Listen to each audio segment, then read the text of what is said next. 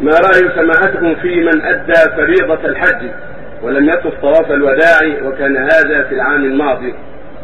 الذي حج ولم يطف طواف الوداع عليه دم يذبح في مكة للفقراء لأن طواف الوداع واجب للحج.